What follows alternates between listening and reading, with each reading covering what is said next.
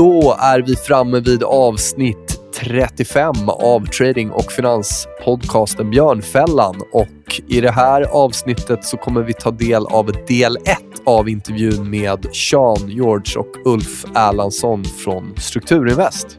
Yes, det blir eh, mycket prat om räntor, obligationer och diverse annat spännande. Så att eh, vässa öronen så kör vi. Nu gör vi.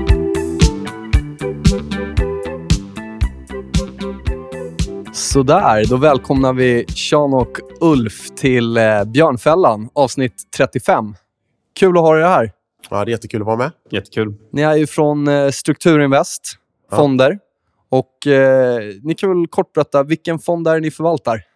Så att eh, i dagsläget så håller vi på att lansera Hamiltonian GCO, vilket är en global kreditfond som kan både gå lång och kort eh, kreditmarknaden så att vi kan tjäna pengar när räntan går upp och räntan går ner.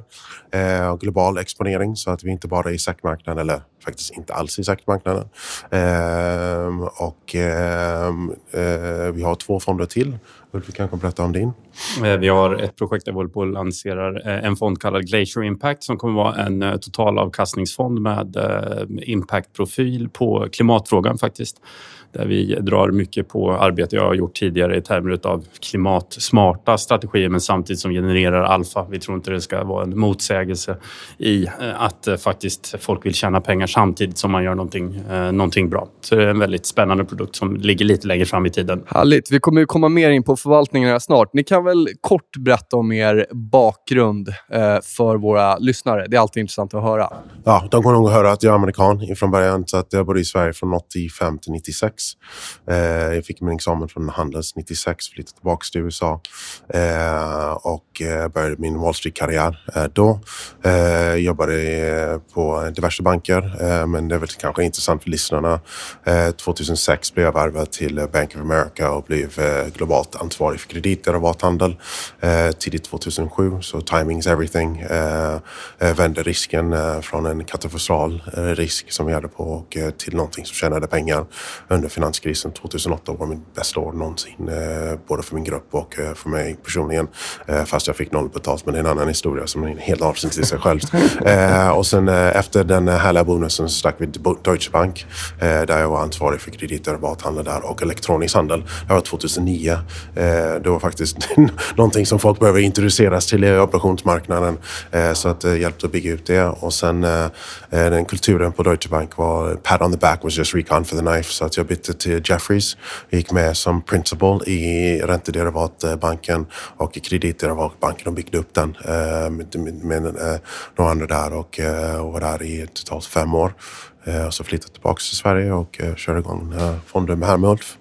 Mitt i stormens öga där. alltså. Ja, nej, det var det. Det, det visslade. Bokstavligen. Du ska få berätta lite mer om det där sen, hur det faktiskt var att vara mitt i smeten när det Ja. väl liksom kollapsar. Ulf, hur ser din bakgrund ut? Eh, Min bakgrund är eh, att jag har doktorerat i nationalekonomi i Lund en gång i tiden eh, på ett relativt kvantitativt ämne. Och efter det så gick jag direkt till Barclays Capital i London. Jobbade på kvantkreditstrategigruppen där, både makro och hedgefondstrategier eh, mellan 2005 och 2009. Eh, Efter 2009, eller the reverse takeover of Lehman, som vi kallar det på Barclays kreditdesk, eh, så, eh, så flyttade jag till Stockholm och eh, började förvalta AP4s, Fjärde AP-fondens eh, kreditbok. Eh, och där har jag varit fram tills ja, eh, nu i eh, våras när jag sa upp mig för att gå till Strukturinvest. På AP4 har jag då tagit hand om kreditböckerna, även vad vi kallar SSA-böcker som är ganska nära liggande stats, statspapper. Totalt riskansvar på runt 25 miljarder kronor där. Jag har även varit ansvarig då för investeringar i gröna, gröna obligationer, den här delen av fixed income där man faktiskt kan göra lite klimat Eh, klimatsatsningar och dessutom då en total return-bok som har varit då kvantdriven kreditderivatindex mot aktieterminer och lite, lite sådana spännande saker. Så, eh, en ganska, ganska bred palett där på AP4 men eh, som jag gärna vill fortsätta med på ett mer spetsigt format nu på Strukturinvest. Spännande. Om vi, ni är ju så att säga ränteexperter. Om vi tar väldigt breda penseldrag och kolla på obligationsmarknaden som helhet. Det finns ju många som tycker att den kanske inte riktigt mår som den ska. Det, det är lite konstiga saker som händer där ute. Hur, hur ser ni på obligationsmarknaden? Är det en patient som behöver väldigt mycket vård väldigt snabbt. Det är olika patienter. ja, exakt. eh, så att... Eh, vi kan börja ja, vi kan börja med utgångspunkten när man säger att det är en sjuk patient och titta på att eh, räntor är extremt låga och eh, det är någonting som har genomslag på många saker. Det kommer vi återkomma till senare. Eh, jag satt bara så sent som igår och tittade på eh, en analys som vi har gjort runt eh, svenska obligationsmarknaden som vi tycker ser faktiskt eh, ganska sjuk ut om vi tittar på den som patient. om man tittar Tittar på eh, handelsbara eh, företagsobligationer i Sverige så finns det eh, lite drygt 400 miljarder kronor där ute som det går att handla som är ja, plus yield och faktiskt längre än ett år. Utav dem så är över 100 miljarder i fastighetssektorn, vilket är en sån enorm fastighetskoncentration i en marknad, så det, det existerar ingen annanstans. Och det här kombinerat med en marknadsplats då där du inte har möjlighet att repa obligationer så du kan inte gå kort. Du har inga derivat du kan hedga det här med. Vilket gör att, eh, ja, där pratar vi nog om en relativt sjuk patient eh, trots allt. Ehm, går man utanför Sverige så är det väl kanske lite felaktigt att alltid prata om det som, eh, som eh, att det är en så pass dålig patient. Det finns en hel del likviditet ute i obligationsmarknaden.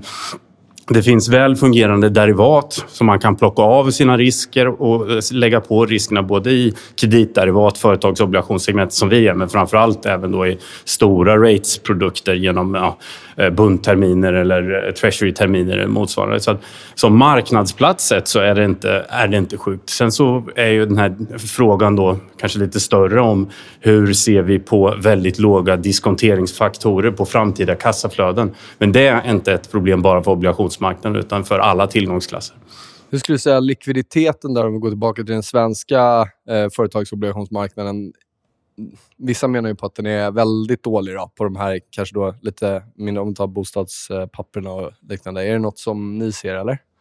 Ehm, ja, jag tror att när man handlar en, en, obligationsbok så måste man vara redo på att kunna hantera brist på likviditet. Ehm, det, men men jag, vill, jag vill motsäga eh, det här att det inte finns likviditet. Vi tittar på mm. derivatledet och där kan man hedga av risken i en företagsobligationsbok om man då tittar på euro eller dollarmarknaden med en knapptryckning egentligen till nästan ingen kostnad alls. Så att säga att det inte går att komma ur positionen eller att det inte går att handla åt andra hållet är felaktigt. Eh, problemet är om man inte har den verktygslådan som man behöver göra det, eh, det med. Men det ska man vara eh, tydlig med då i sådana fall tycker jag. Men jag, jag tror, jag återgår till din fråga där. Om man tittar på den svenska marknaden och den, liksom, om man portföljetänk faller ju bort genast när så mycket av marknaden är en sektor. Det, det skulle man aldrig bygga en portfölj baserat på en sån viktning. Eh, och eh, det, det, finns inte mycket likviditet. Eh, jag tittade på eh, liksom en, eh, en bank här, liksom försökte sälja massor med fastighetsobligationer idag. Det fanns inte en bid, det fanns bara offered. Och, eh, eh, jag, jag, tror att det är någon, en sån grej som kan bli väldigt trångt i dörren. Och om du sitter i en marknad där du har inga bromsar du har ingen krockkudde, du är bara med eh, på en, en dåråkning och du sitter i baksätet eh, utan säkerhetsbälte. Så att, Svårt att ta stoppen då? Ja, det, det finns ingenting att göra. Du, du, liksom, du är liksom jätteinne där. Så att, men vi tittar på likviditet i, i vår portfölj. Och, eh, vi kan kolla på Trace i USA när en obligation har, handla, har handlat så vet du köp, sälj, eh, storlek upp till 5 miljoner dollar eh, och, och, pris. Så, att det, eh, så det finns ju marknader som inte är i Sverige. Eh, de svenskar som reser så mycket, varför måste de bara investera i Sverige? Det finns en väldigt stor värld där ute. Och säkert på fixed income-sidan eh, är den mycket mer avancerad i utlandet än vad är i Sverige. Eh, du har ju samma personer som åker runt på samma ställen här i Sverige. Eh, du har ingen diversity of thought. Det är samma skola, samma jobb, samma människor som roterar runt. Det är därför det är så spännande för Ulf och jag. Vi är väldigt olika. Jag är mer fundamental, eh, givetvis 21 år i USA och Ulf är mer kvantitativ i Europa. Eh, vi håller inte med om allting och det är jättebra. Eh, vi har inte samma bakgrund. Det är jättebra. Då, då, då kanske man ska titta utanför svenska gränserna. Till exempel, vi tycker om USA. Vi tycker eh, high yield i USA. Tycker, ser faktiskt, ingenting är billigt nu givetvis.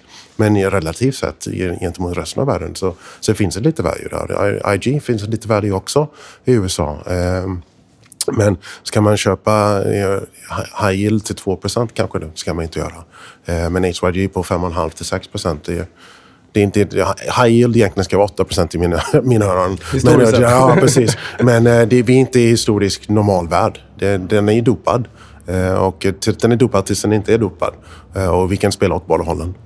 Men vad gildar de här svenska företagsobligationerna om man kollar på mot fastighetssidan? Är det värt den till exempel likviditetsrisken? Vad får man betalt för att ta exponering där? Som när jag gjorde den här eh, undersökningen som jag gjorde här då, bara via eh, en Bloomberg search-funktion egentligen, så eh, gjorde jag en cut-off på yield på 0% för jag tyckte inte att investeringsbar, investeringsbart universum för de flesta vanliga fonder borde inkludera negativt gillande eh, räntor. Och du skär ju ner eh, andelen företagsobligationer i marknaden som du kan ta ganska rejält eh, med det.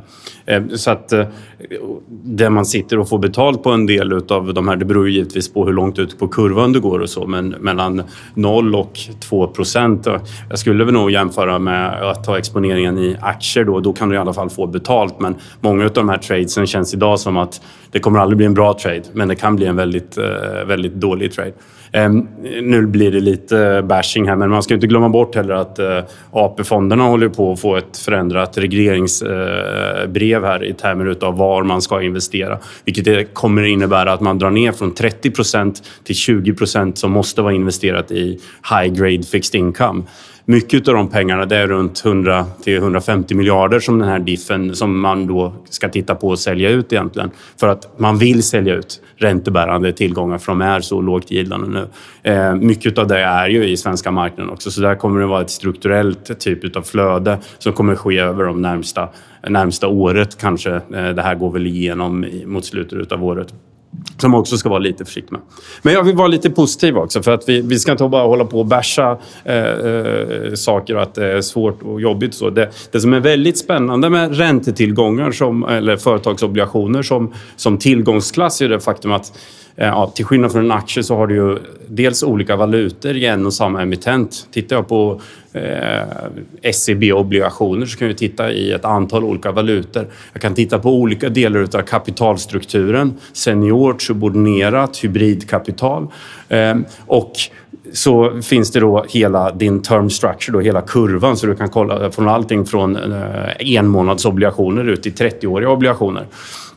Och det är väldigt spännande för det ger upphov till dislokeringar i och med att det är så hög Eh, så många eh, förvecklingar som kan ske och så mycket relativvärden som kan göras så är det väldigt intressant som förvaltare att jobba med tillgångsklassen. För det sker ofta någon eh, fellokalisering någonstans i alla de här eh, typerna av relationer. Ibland kan det vara rent strukturellt att vissa investerare, då, låt säga AP-fonderna, de får bara ha investment grade obligationer och blir något nedgraderat så måste alla de sälja och de är mycket större än vad de som kan kan köpa det som är nedanför investment grade. Jag skulle säga att ni har en edge där som då en mindre eh, fond, eller en fond med mindre AUM, att kunna utnyttja de här möjligheterna. Alltså, ja, absolut. Alltså, vi, jag tror att alla som lyssnar liksom med vår bakgrund, vi är nog kapitalister, det kan jag utgå ifrån. Eh, och vi kappar vår fond på 500 miljoner dollar, den första. Eh, bara på grund av det, att vi vill inte bli större, därför då går ju avkastningen ner. Eh, jag har inte daglig likviditet och eh, om vi tittar på vår fond så har vi eh, limiter runt liksom time to liquidate eh, och vi tittar på det jättemycket och de, vi pratar dagar eh, inte månader. Så att eh, eh vi, vi kan likvidera tämligen snabbt och eh, eh, jag tycker det, det, är himla viktigt att, att det vara så. om man tittar på den amerikanska aktiemarknaden så har den tränat väldigt starkt. Ja, egentligen flera, flera år. värderingarna börjar komma ihop Alltså de fundamentala värderingarna på aktiemarknaden börjar komma upp på väldigt höga nivåer. DAX och OMX också mm. högt. Ja, precis. Eh, är det någonting på och där känns det som att det bara kommer fortsätta. Sen så pratar folk om risker och så vidare. Men om man tittar på den amerikanska obligationsmarknaden, finns det någonting där där man börjar ana lite oråd? Ser man någon oro på obligationsmarknaden som inte syns i euforin på aktiemarknaden? Alltså det enda man kan säga om aktiemarknaden, det är väl lite det som diskonteringen som Ulf pratade om, att låga räntor ger en bra diskontering. Eh, men, men om man tittar på, det är faktiskt tillväxt i Europa, USA och Kina. Det är första gången sedan finanskrisen. Ja, aktiepriserna är ju höga, men om du börjar få tillväxt då. Eh, mycket som sker i USA är den här taxskatten från eh, Trump. Jag har inte röstat på honom för de som lyssnar. Eh, så slipper ingen in och skälla på mig för att jag är amerikan. Eh, men eh, eh, eh, får han igenom den skattesänkningen så, så finns det mer ben under, under, under den här aktiemarknaden. Jag har fortfarande, jag tror mig, jag har haft fingret på att sälja av mina aktier ett flertal tillfällen de senaste tre, fyra månaderna. Jag har inte tryckt på det därför att det, det känns som den, den kommer att fortsätta eh, ett tag till. Eh. Nya highs är ju bullish enligt eh, TA i alla fall. Då. Ja, Sen precis. lite rekyler och sådär på vägen. Men... Ja, det, det, det, som det finns ju olika faktorer varför, varför saker och ting sker, sker som de sker. Men faktum är att vi har tillväxt i Kina, Europa och USA första gången sedan finanskrisen. Och det, det var ju målet. Jag skrev, eh, det här låter väldigt pretentiöst, men jag skrev en bok på temat en gång i tiden. Eh, just inte jag. Kan, kan du inte berätta vad den boken heter också för lyssnare som är intresserade? Om det går att få tag i. Uh, ja, Empirical Analysis of the Credit Cycle. Uh, den går nog att få tag på elektroniskt format. Om inte annat så kan man höra av sig till er eller till oss så kan vi nog skicka en, en pdf. Den publicerades när jag var på Barclays fortfarande. Uh, den tittar väldigt mycket på ett samband mellan inverteringen av räntekurvan i i USA eh, kombinerat då med signaler från den här Senior Loan Officer Survey som är en slags banksurvey på tightening of credit conditions, det vill säga hur banker drar tillbaka lån eh, till, eh, till företag. Och de här två indikatorerna tillsammans har ju eh, varit väldigt träffsäkra över de senaste 60 åren egentligen, efterkrigstiden. Att, att, att komma fram till signaler för en annalkande recession. Och inget av dem är faktiskt, är faktiskt aktivt nu egentligen. Så det är två makroindikatorer som liksom som hänger med och man kan bygga en eh, modell på. Jag, jag kommer ihåg själv när jag gjorde det här eh, yieldkurvan inverterade eh, någon gång innan, eh, eller mellan jul och nyår. Eh, 2005 var det redan, nej 2006. 2006. Ehm, och eh, det var ju en sån tok högkonjunktur då. Så att när man gick ut och sa att det här är ett eh, tecken på att det är något dåligt som är på gång att hända inom 12 till 18 månader så blev man ju nästan ut, utskrattad. Eh, men det funkade den gången också. This time is different eh, var inte alls annorlunda på den gången. Så det, och, och där ser vi just nu inga indikationer.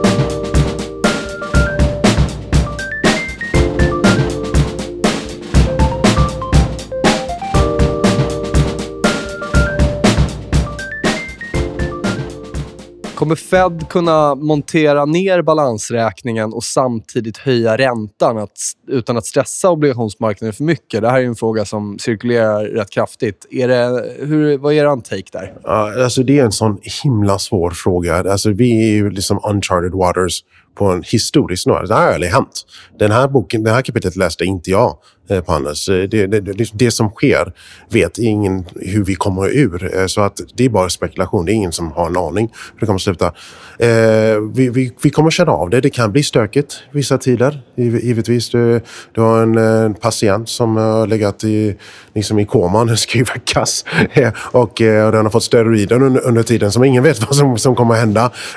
Och jag tror tror att eh, de kommer att vara skickliga när de gör det. Men, men som sagt, det är superkomplicerat. Eh, David Draghi liksom taperar samtidigt som det här sker. Men du har som sagt tillväxt i, i tre av de stora motorerna eh, samtidigt. Så att det, det, det, det, kanske går. Om du tittar på amerikanska tioåringen, den, den börjar ju ticka uppåt också. Så att, eh, och, eh, ekonomin verkar ju må okej okay, trots alla orkaner och sådana grejer. Det, men, men om man tittar på earnings är ju hyfsat bra fortfarande. Så att, eh, ni är inte oroliga för att de ska börja stöka för mycket så att ja, det drar, räntorna drar alldeles okontrollerat? Ja, en obligationskille är ju alltid orolig.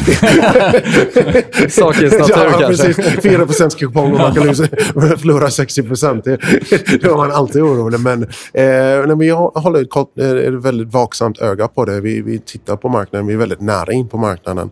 Eh, vi kan känna av vibrationerna eh, hyfsat snabbt tycker vi. Jag tror egentligen, egentligen ska man kasta tillbaka frågan till eh, aktielägret här. För att eh, till syvende och sist så tror jag man kommer titta på det faktum att om amerikansk tioåring går upp till 3,50 och det bara betyder att det kostar väldigt mycket i blod och tårar hos eh, obligationsinvesterare så spelar det inte så stor roll. Men om aktieinvesterare ser att finansieringskostnaden för företag går upp, att olika firmer börjar förlora pengar eller tjäna pengar och plötsligt blir nervös eller att det sker omallokeringar då plötsligt från aktier till räntor så att eh, börser börjar sjunka då så tror jag att eh, Fed kommer dra åt, eh, eller ställa sig på stoppen i termer av att försöka göra en, göra en tapering. Ehm, så, så isoler, att bara isolera liksom själva räntemarknaden går nog inte i den här kontexten. Eller om det bara var den det gällde så tror jag att man skulle kunna trycka på och tåla en hel del volatilitet. Problemet bara att det är så mycket annat som är sammanlänkat med räntemarknaden och där, där eh, den, den svaga punkten kommer, kommer springa upp. När vi ändå pratade om USAs tioåring där, tror ni att det finns ju de som säger att den har bottnat och de som tror att den ska komma upp lite och sen tryckas på ganska ordentligt ner för att det kommer, man kommer gå in i lågkonjunktur och så vidare. Vad, vad är er take på tioåringen i USA? Alltså, jag och Ulf hade förmånen att träffa Ben Bernanke. Jag frågade honom exakt samma fråga. Eh, eh och han sa två sju åttondelar att den skulle sluta året på, på. Och det har ju inte stämt. Det är det året inte slut än, men det, det ser ut att vara i närheten av det. Så det är givetvis en väldigt svår fråga därför att vi kan väl räkna Ben Bernanke som en av de smartare runt penningpolitiken i alla fall. Eh, den, den har ju handlat mellan vad är det, 2,66 och 2,03 eller något sånt där. Uppe i 2,30 nu. Eh, men för året nu eh, är den nästan uppe i highs för, för året. Men det är, jag tror att det är på grund av skattesänkningarna att, att de tror att det kommer gå igenom och att det ska bli tillväxt och inflation och så vidare på, på, eh, på grund av det. Så att, eh, men det är väldigt svårt. Det är alltså, eh, eh, om man kollar på Ingves, eh, vad han har spått och vad han har gjort. Det, när centralbankerna själv in, inte vet, så ska inte jag sitta här och räcka upp handen. Jag vet. det, det, är inte, det, det, finns ingen trovärdighet i det. Men eh, alltså givetvis har man vyer eh, om, om det, men det är himla svårt att, att säga vart den ska gå. Det, den kan gå sidledes också. Ja. Vi tror i vår förvaltningsmodell väldigt mycket på att fokusera och isolera de faktorerna som vi faktiskt är bra och där vi tycker att det finns alfa som vi kan generera med säkerhet. Och just i det här läget så är ju att förutsäga eller förutspå räntor inte någonting som vi tycker att det är det man ska hålla på med. Vi kommer köra eh, ränte, räntehedgat. Eh, och det tror jag att det är, rätt fokus ska vara på de sakerna där vi har en bra intjäningspotential snarare än, än att bara kasta, kasta pil egentligen. Ja, kasta pil är det väl inte? Kasta, ja. känner mig lite bättre än ja, precis, den här apan som kastar pil. Sen kan det komma tillfällen när vi får starka vyer på räntan och man vill göra mer åt det. Men, men, men i en sån här intermediate range som man befinner sig just nu så, så är det mycket, mycket noise där. Som man ska Vad skulle det kunna vara då som får er att bli intresserade där?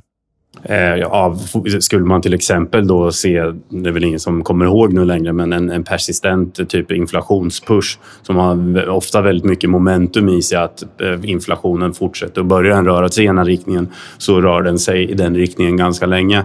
Ehm, det är ju en sån sak som eh, är ett tåg man gärna vill åka med på då, från den korta position, positioneringen på räntan såklart.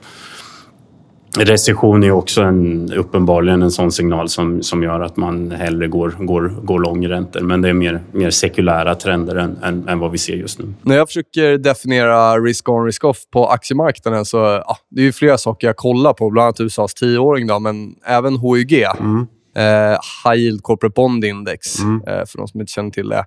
Eh, och Det har också varit en väldigt bra temperatur just för mm. aktiemarknaden. Ni nämnde ju lite tidigare att det är något som ni tittar på. Eh, botten där har varit 88,3. Eh, på uppsidan sitter jag och kollar på 88,7. Skulle vi få ett break över där skulle det vara eh, bullish för, för aktiemarknaden menar jag på. Har ni någon vy där och vad, vad är det ni kollar på? Vad är det som är intressant? När ja, för det första så, så kollar vi på samma sak och vi tittar på den på ett helt annat, annat sätt. Vi kollar på spread. Så högsta spreaden var 418, lägsta spreaden var 351, vi är på 362. Eh, det är så vi tittar på världen. Eh, och, eh, men givetvis tittar vi på den totala gilden och liksom känner av vad vi tycker är rätt. Men vi också vi tittar på, på, på spreaden även där. Eh, är det spreaden mot investment grade? Då, eller? Nej, nej, det var inte det underliggande index. Så okay. Eh, eh, eh, och vi, vi, vi tycker high yield är okej. Okay här. Som sagt, jag hade älskat den vid 8% men det är inte en sån värld vi lever i. Ehm, eh, och eh, vi, eh, vi tycker om amerikanska marknaden för sin likviditet. Eh, vi köper inte specifikt HYG. Det jag gillar att göra HYG när du får en nedställ så kan man blanka de top holdings HYG. Därför att när folk eh, redeem så, eh, eh, så kommer de här obligationerna ut. Då måste du ju sälja. Du, du har en force seller. Så du får oftast en beta på nedsidan som är högre än eh, det, det som du hedgar. Eh, så att jag använder det mer eh, som eh, Jag tittar på innehaven och eh, tar ut de här stora innehaven och vet att det, det kommer komma att vara en säljare. Så att vi tittade på, på det på ett lite annorlunda sätt än, än vad, vad ni gör. Jag tycker den har korrelerat väldigt mycket med om man tittar på energimarknaden också. Den är en stor del energimarknaden. Så att det, Hur, eh, har ni någon take eh, där? Är det något intressant att nämna för våra lyssnare? Eh, alltså, samma sak som med portföljetänk. Man ska inte ha stora koncentrationer i någonting, men givetvis ju, våren 2016 så kanske man skulle tittat på den lite och varit lång när, när den kom ur eh, situationen när oljan var som lägst och tittat på de bolagen som faktiskt kommer att överleva och eh, har, har starka backers och så vidare. Eh, men att jag har en åsikt om olja, eh, det är klart jag har, men är det någonting som era lyssnare bör lyssna på? Nej. Det, det, eh, det, det, är inte min kompetensområde. Så att vi försöker, det gäller med style drift, eh, håll dig till vad du kan. Eh, givetvis, vi sitter i marknaden och vi pratar om saker och ting och vi har olika åsikter. Men det som landar i portföljen är det som vi egentligen är bra på.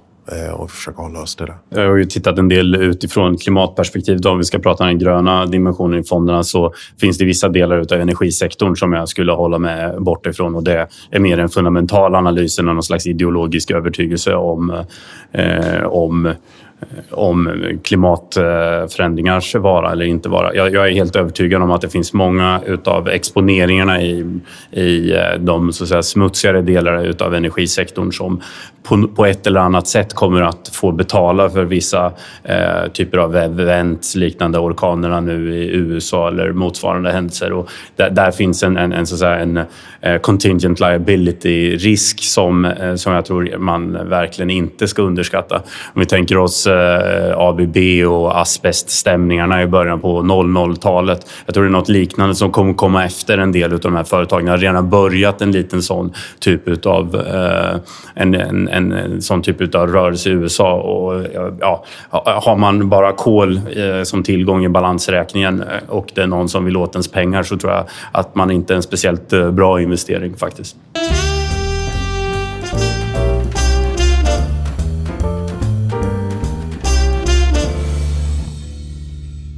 Om vi går tillbaka där bara. Jag vet att det är en väldigt svår fråga. Om vi tittar på centralbankerna. Det finns ju fler än Fed som har blåst upp sina balansräkningar till väldigt, väldigt höga nivåer. Och som du var inne på, vi, har, vi är på nivåer där vi... Ja, men det är otestat territorium. Tror jag att de andra är, centralbankerna kan få ner sina balansräkningar på ett strukturerat Ja, alltså Japan har inte gjort det på många år. Nej, det har tagit lite tid. Det är väl det som är oron, att man kommer hamna i samma scenario bland, ja, men över hela världen egentligen. Ja, det, alltså, i, i vissa, det, det, det kan givetvis ske. Liksom, det är en Emperor has no clothes eh, scenariot. Det, men det är lite Mad Max-scenariot också därför att du kan inte bara ha fallande priser och ingen som stoppar det. Så att det finns ju den här eh, att de eh, som wipe out the debt. Och det, det, kanske de gör det. Japan har eh, tittat på det. Ben, Bernanke har varit där över och pratat med dem om det som jag har förstått. Men ja, det är också en väldigt konceptuellt sätt, sak, svårt sak att mm. förstå. Eh, men eh, jag tror inte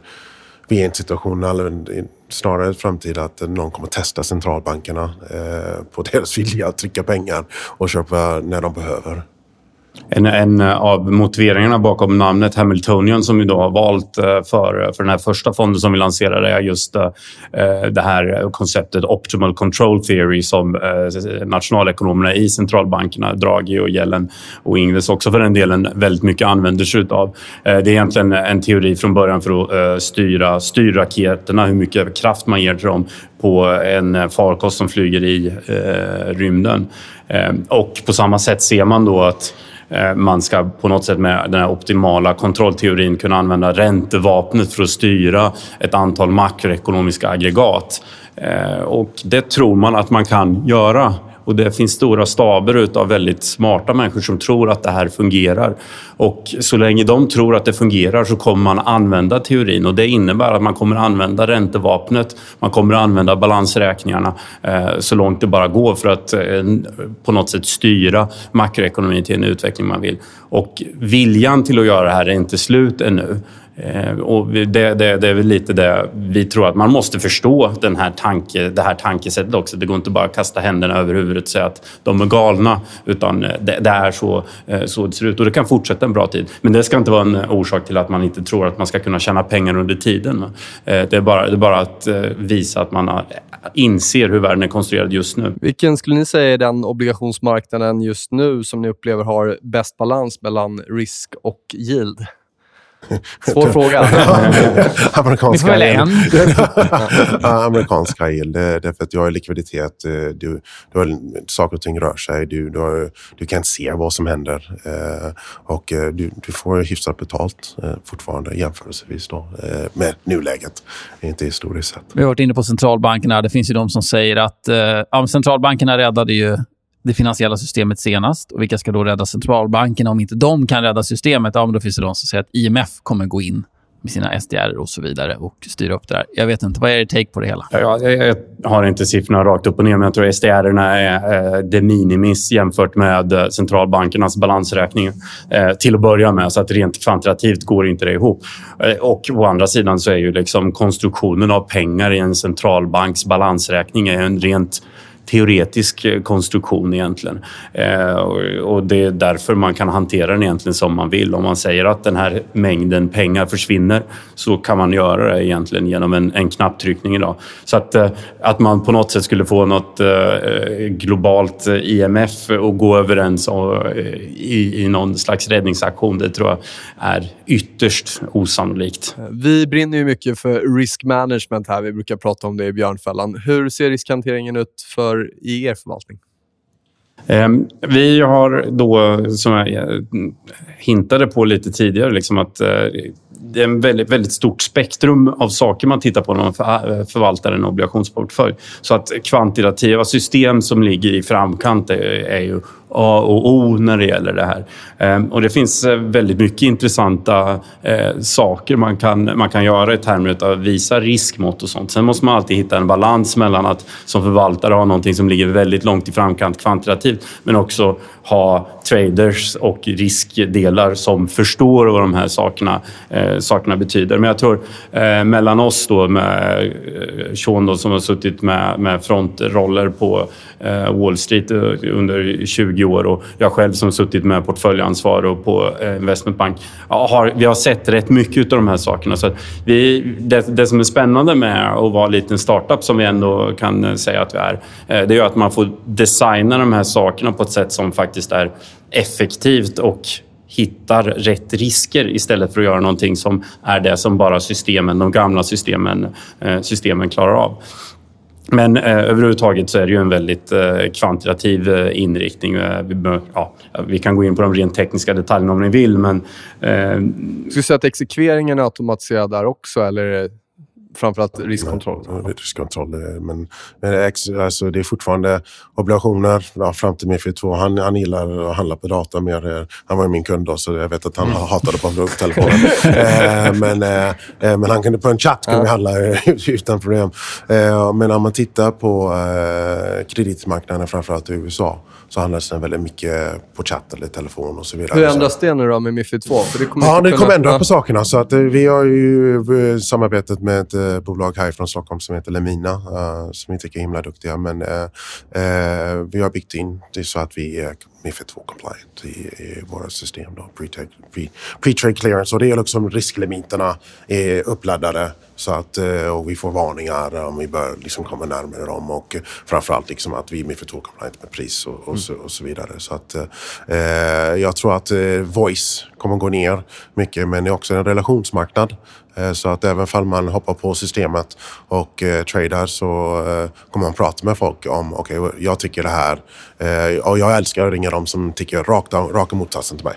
Eh, det är de jag vill prata med. För att få din contrarian vi bekräftad? Ja, eller? Ja, det bara att se om jag har missat något. Ja. Det, det, det, jag vet att jag, jag har fel hela tiden. Så att, det, man måste kunna prata med dem och argumentera med dem som, som inte håller med. Eh, och eh, testa sin bil lite.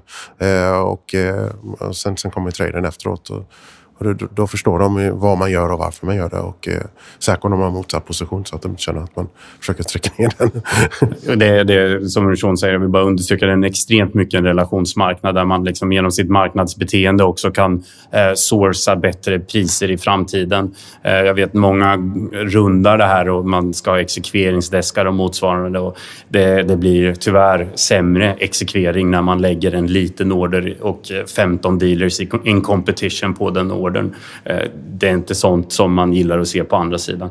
Eh, och så jag har sett 28 dealers in competition. Hur slutade det då? Ja, precis. Nej, jag, måste, jag klickar aldrig på det här.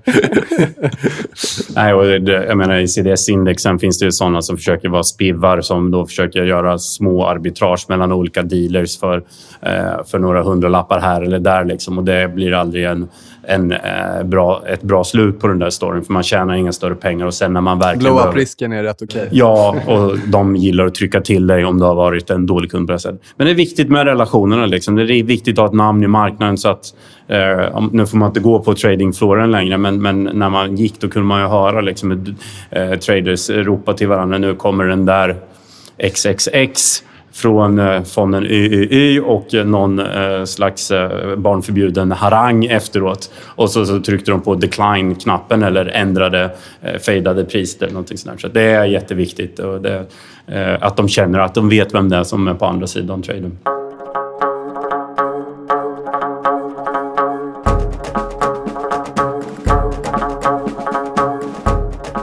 Du nämnde det här med CDS. Det, det känns som att det, det, blir ju mode och sen så blir det lite omodernt. Det, det går i vågor, intresset för CDS och kolla på spreadar och så vidare. Är det någonting som ni följer, CDS-marknaden? Absolut, absolut. Mm. Ulf, en jättedator på eh, Ja, nej men precis. Jag har ju suttit... Uh...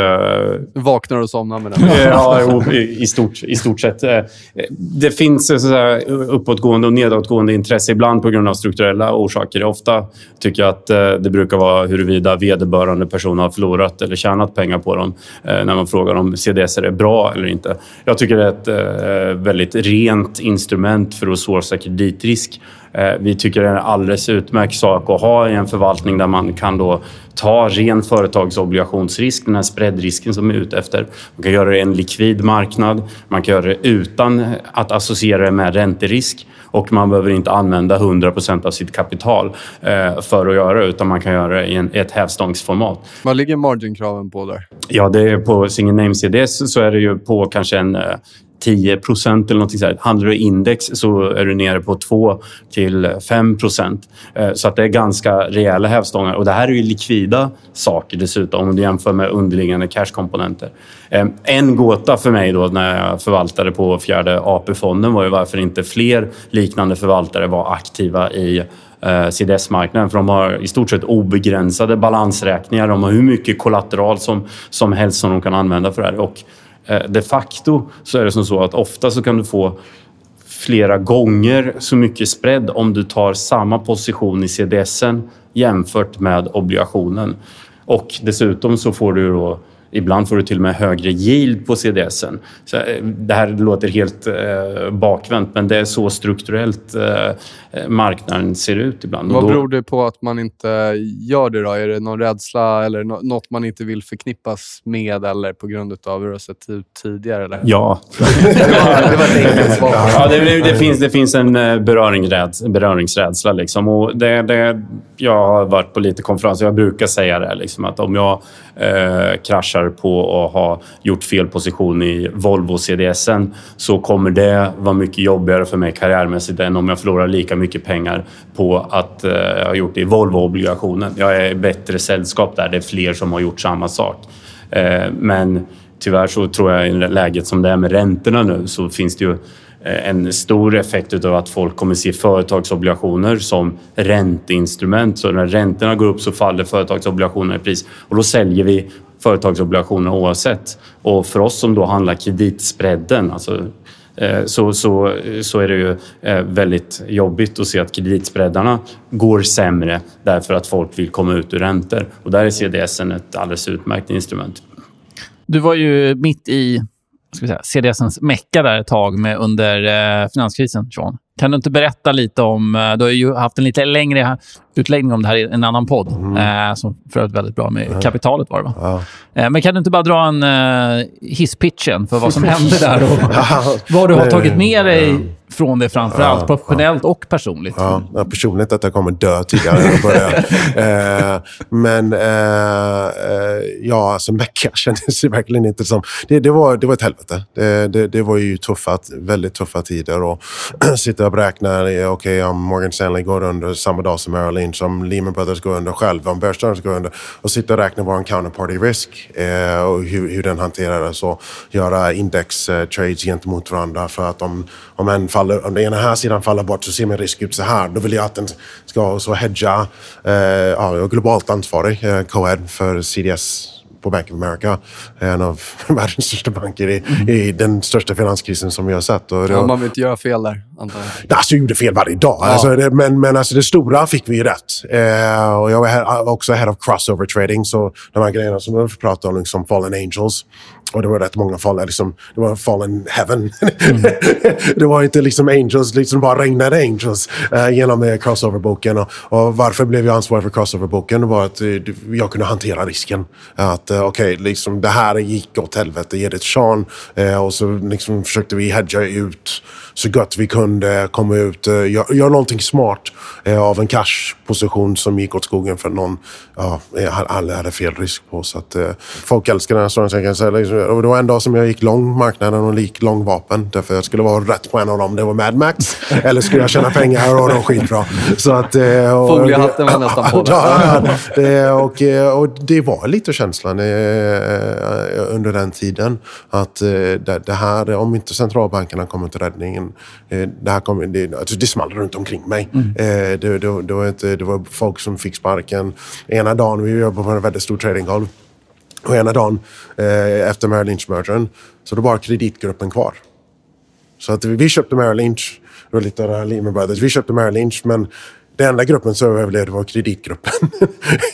och då satt vi där liksom lite själva på ett stort tradinggolv. Och de här är människor som man har gått igenom ett krig med. Och de bara ser dem försvinna en efter en. Och liksom så personligt var det ju, det är ju absolut inget roligt att, att tjäna så pass mycket pengar som vi ändå gjorde och få noll bonus. Var yeah, det var absolut inte roligt. Eh, men eh, att, att man förstår och ser det här psykologiska beteendet att eh, det spelar ingen roll vilket pris det är. Den, den ska ju i min portfölj. Eh, Och att man kan, som head of CDS trading, varför blev jag head of crossover trading? Okej, därför jag kunde titta på, okej, vad kan vi göra med det här? Och då kan man lägga på lite smart, i, i kaoset kan man lägga på smarta trades. Eh, Vad är nyckeln där till att hålla huvudet kallt och se det då? Och vad, vad var din edge gentemot de andra som inte fixade det? Eh, kanske svårt Min exfru skulle nog hävda att jag är psykopat, men... eh, men, men Vad skulle din nuvarande fru säga om det? Ja, nej, alltså... Jag, jag, jag kan säga så här. Eh, det är vad det är. Eh, och du får ju acceptera de korten du har och spela de korten du kan. Eh, och du kan inte gråta över det. Vi, vi gör ju inte rätt hela tiden. Så att det är bara att acceptera. Och det har jag lite från min, min kampsportstävling. Liksom, ibland vinner man, ibland förlorar man. Och man vaknar nästa morgon. Det är jättekonstigt, men så är det. Så att det, ingen, ingenting är för evigt och eh, man, man måste hålla, hålla sin conviction och eh, försöka göra, hela tiden göra saker som man kan tjäna lite pengar på eh, och försöka eh, hantera risken i det stora hela för de stora förflyttelserna och eh, överleva dagen och ändå liksom hålla eh, hela helheten i en position som, som känns okej. Och faktiskt, om alla gör samma sak, eh, då har oftast alla fel. Eh, och veta om det och inte hoppa på det hela tiden. Du har fel, du har fel, du har och liksom simma motströms. När det börjar vända, då kan jag hoppa på det. Men ha insikten att det förstod vi 2006. Det är många som sprängde sig själv rakt upp i luften eh, och förlorade hundratals miljoner dollar. Vi pratade, hade samma samtal. Det här kommer sluta illa, det här kommer sluta illa. Men de vände aldrig sin risk. Eh, och eh, att, att veta att det här är fel och hitta hem lite och försöka eh, vara lite mindre eh, så att man kan vara taktisk när det väl smäller. Att man kan vara stor eh, åt, åt motsatt håll eller förstå hur folk reagerar. En sak som jag lärde mig eh, när jag var eh, portföljförvaltare på ett bolag som heter Kensico. Eh, eh jag blev erbjuden eh, Enron-obligationer till 75 cent on the dollar. Eh, och den skulle löpa ut dagen efter. Och jag bara satt där, okej. Vad ska jag, jag vågar inte köpa den. Eh, de faktiskt betalade av den operationen och sen gick de i konkurs. Men det är det sådana saker som händer. Att eh, dagen innan så är någon villig att ta ett sådant beslut. Eh, och då hade vi ägt, ägt Enron och WorldCom och sålt ner innan. Därför det kändes fel. Eh, siffrorna, och också den här klassiska. Jag, jag kommer inte förstå varenda bolag. Vet du vad jag gör då? Ingenting. Eh, om inte jag förstår bolaget, då, då får någon annan smartare än mig eh, kliva in där. Så, att, eh, så det är mycket sådana sund förnuft, bondförnuft om man skulle säga. att Vet du vad, jag, det, här låt, det här känns inte rätt. Okej, okay, nu neutraliserar det här. Det här känns fel, då kliver jag ut. Okej, okay, nu har min åsikt kommit, kommit till eh, fruition. Då hoppar jag på. Eh, det är för det här jag trodde jag hade rätt risk och det kan jag tjäna pengar på. När alla andra är rädda, då kan jag ta motsatta betten eh, på. Och, eh, det är inte lätt. Ja, hantera sitt ego. Det är ju man har, inte lätt i ringen och inte lätt Nej. i marknaden. Men det är Nej, man, man, måste checka egot vid dörren varje dag när man kommer till jobbet. Men känner du att du verkligen behöver... Det ska vara extremt tydligt för dig vad själva traden är innan du går in i den. Du ska veta alla förutsättningar Ja, helst ska man veta alla risker, men eh, vi jobbar i en, en värld där man, har inte all information. och Det är liksom inte sure thing taking, it's risk taking. Så att, men eh, man vill ha liksom så mycket inlåst som man eh, möjligen kan. Eh, så du, du, avstår hellre från en trade om du inte känner dig 100% säker än ja. att ta den och förhoppningsvis blir det bra. Men det Hope is not a strategy, it's a belief. En, en, en, en, sak eh, som man också kan ha med sig, liksom, det är viktigt att hålla tentaklerna ute och ha lite små positioner lite här och var så man inte behöver vara helt övertygad om att det här är den jätte, jättelika traden. Utan, men man hör och känner när det börjar smälla. Liksom. Eh, vi pratar om eh, HYG, där high yield-indexet innan. Det är väldigt bra att vara engagerad i new issue-marknaden i high yield därför att då, där är den första indikatorn på om det börjar må dåligt i high yield-marknaden Går stopparna där så Då går stopparna där eller så. Och ibland så ska man inte ta en heroisk position, men man justerar positionen bara för att känna att jag är med. Att det inte blir den här eh, titta i strålkastarna reaktionen eh, på, på vad som händer. Ehm, för det är risken hos många förvaltare. Och det, det har väl blivit lite symptomatiskt om det är någon eh, kritik man ska säga mot den här centralbankspolicyn också, så har det varit att varje gång det händer en kris nu så har folk försökt, som har försökt komma in och hedga, de har blivit utburna på bår för att eh, centralbanken har motat det med snabbare och snabbare snabbare responser. Eh, så att hedging-känslan eh, där Eh, är, är, nästan utrotad eh, hos, eh, hos många. Och det, det, det, är en lite farlig så systematisk, systematisk känsla i marknaden. jag har en erfarenhet själv när jag satt uppe på kontoret, ett släktkontor och tittade på flashcrashen i S&P då, när den var ner. Ja, den började lite snabbt, men, eller lite långsamt, men sen gick det exponentiellt ner. Liksom. Och satt och lyfte skydd då i CDXIG som är amerikanska kreditindexet.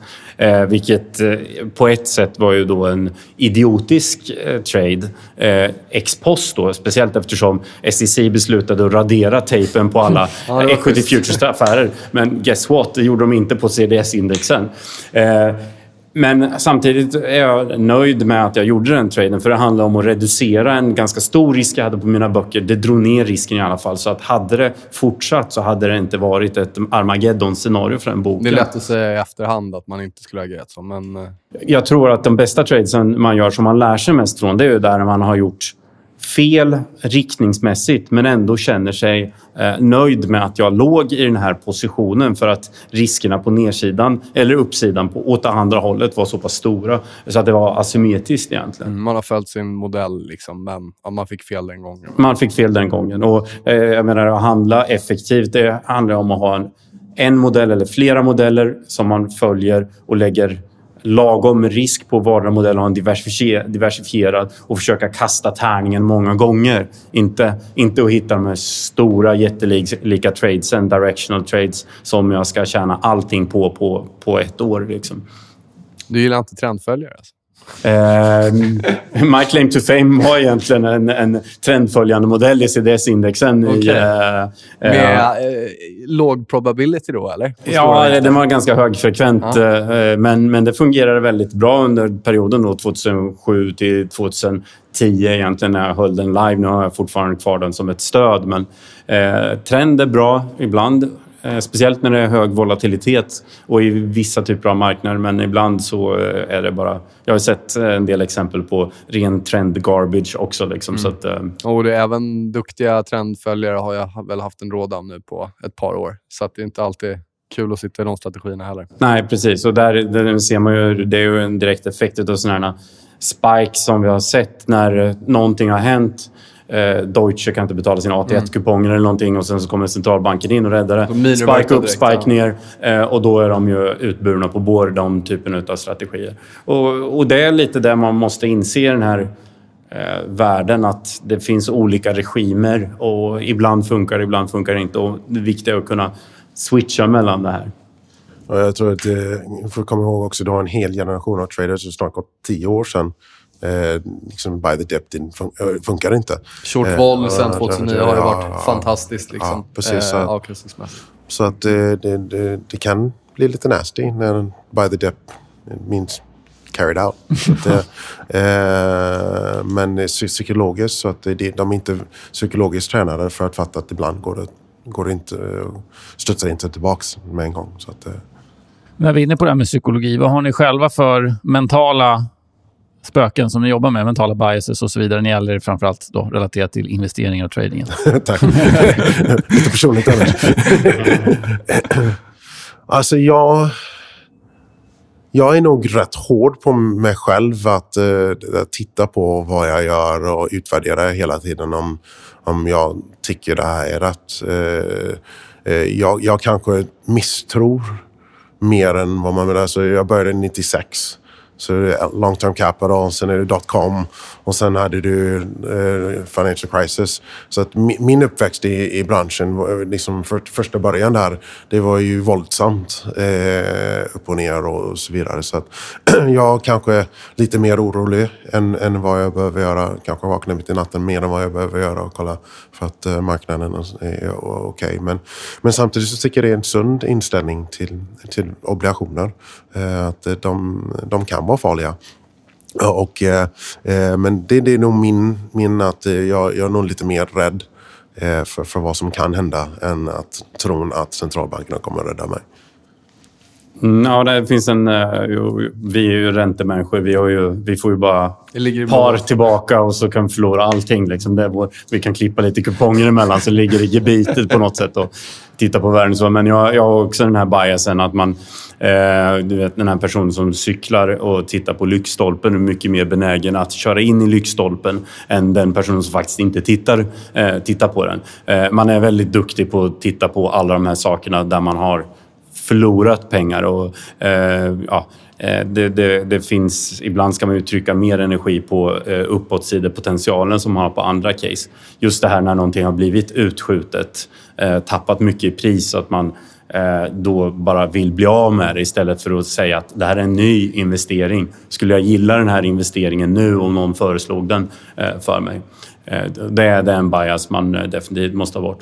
Det som var fördelen, och det här kommer jag behöva jobba med mer nu när vi kommer jobba med säga, mindre, mer koncentrerade böcker. När man satt på en eh, stor fond som AP-fonden så hade man så stor bok så man kommer inte ihåg vilka trades man hade, hade lagt på eller inte lagt på. så att varje, varje gång jag såg en trade så var det en ny trade. Det var lite som att ha en guld, guldfisk ungefär. Har jag gjort den här traden? Vad är det här för någonting? lite skämtsamt, men i alla fall. Ja, men Borg sa väl det. Glöm, glöm varje boll som är spelad. Ja. ja. Lite, ja, det, lite, det, det, funkar faktiskt på ja, det, ja, men det gör det. Därför att eh, det, alltså, en kvart senare så måste du utvärdera den igen. Det, det, det, spelar ingen roll varför du tyckte den var bra om förutsättningarna har ändrat sig på den sista kvarten. Och det visar sig att du har fel. Bye bye. Det är liksom, den ska ut. Så att, uh, varje dag så är portföljen ny i den bemärkelsen uh, att okej, okay, tycker jag fortfarande om den här? Eh, har den samma roll? Eh, den här positionen, den här positionen. Eh, ser världen ut annorlunda idag än igår? Ja, det gör den varje dag. Så att då, då har jag en annan åsikt om det som jag la på igår nästa dag. Det är inte att man köper någonting och eh, liksom man ska hålla fast med att man har rätt. Det är som sagt, check the ego at the door. Det, det, det finns inte plats för det i boken.